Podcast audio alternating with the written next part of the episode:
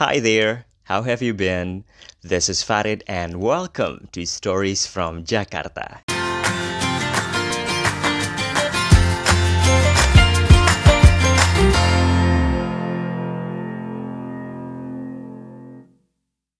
I am excited because this episode I'm giving you recommendations two of the legendary ice cream places in Jakarta that I like and I believe everyone loves ice cream.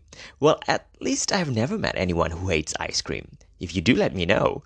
These ice cream places are not the best ones probably, but the ones with a lot of stories which have existed before some recent ice cream places or the Instagrammable ones. Let's start.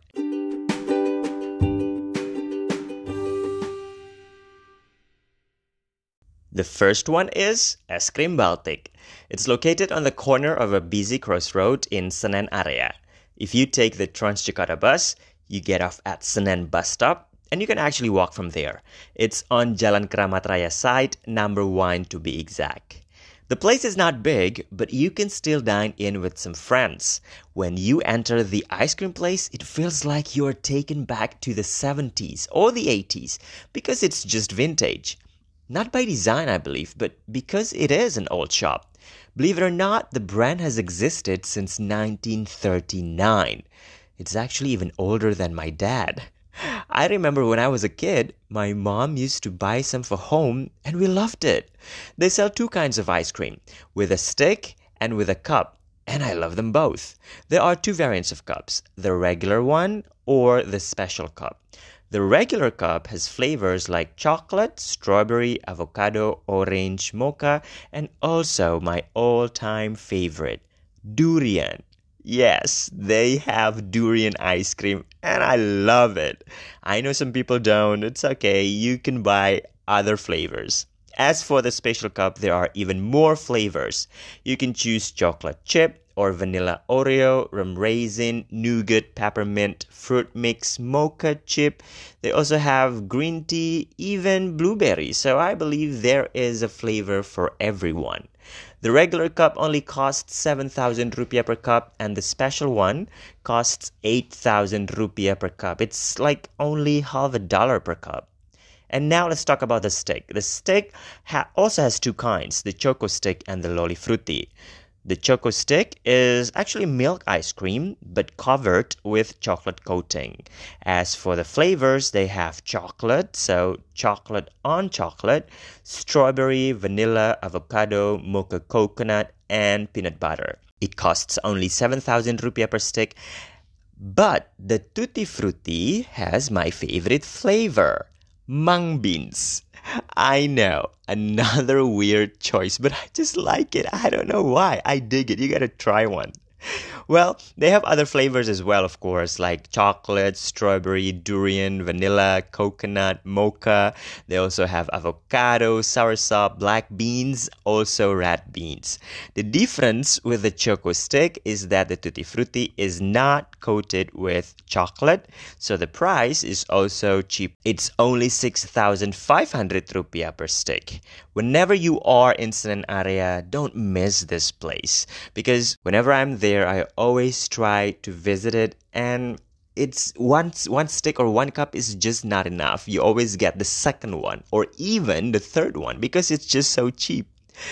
Now, let's move on to the second and arguably the more popular legendary ice cream place, Ragusa.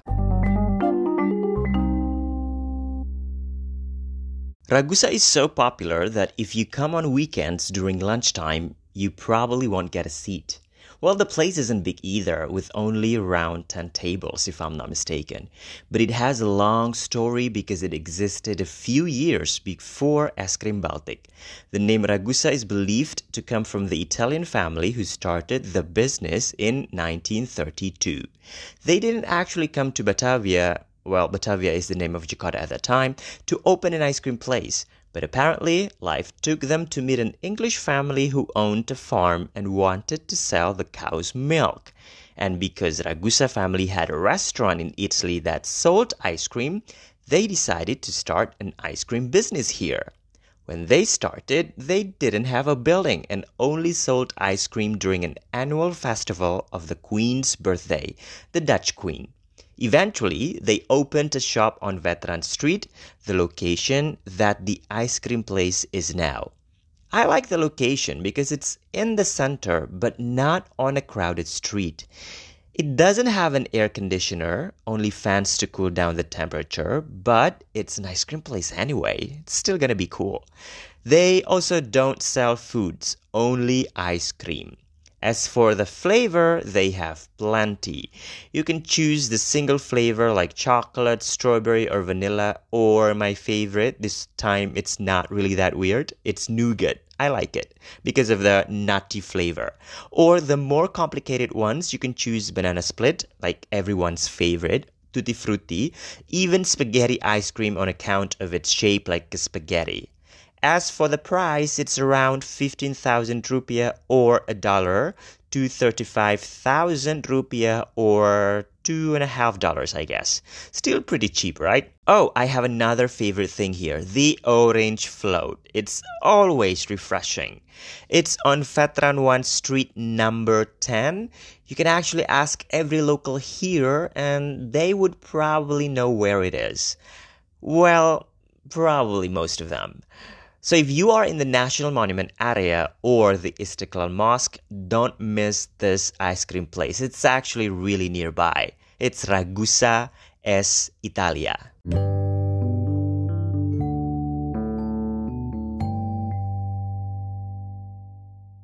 This ice cream episode makes me crave for one actually.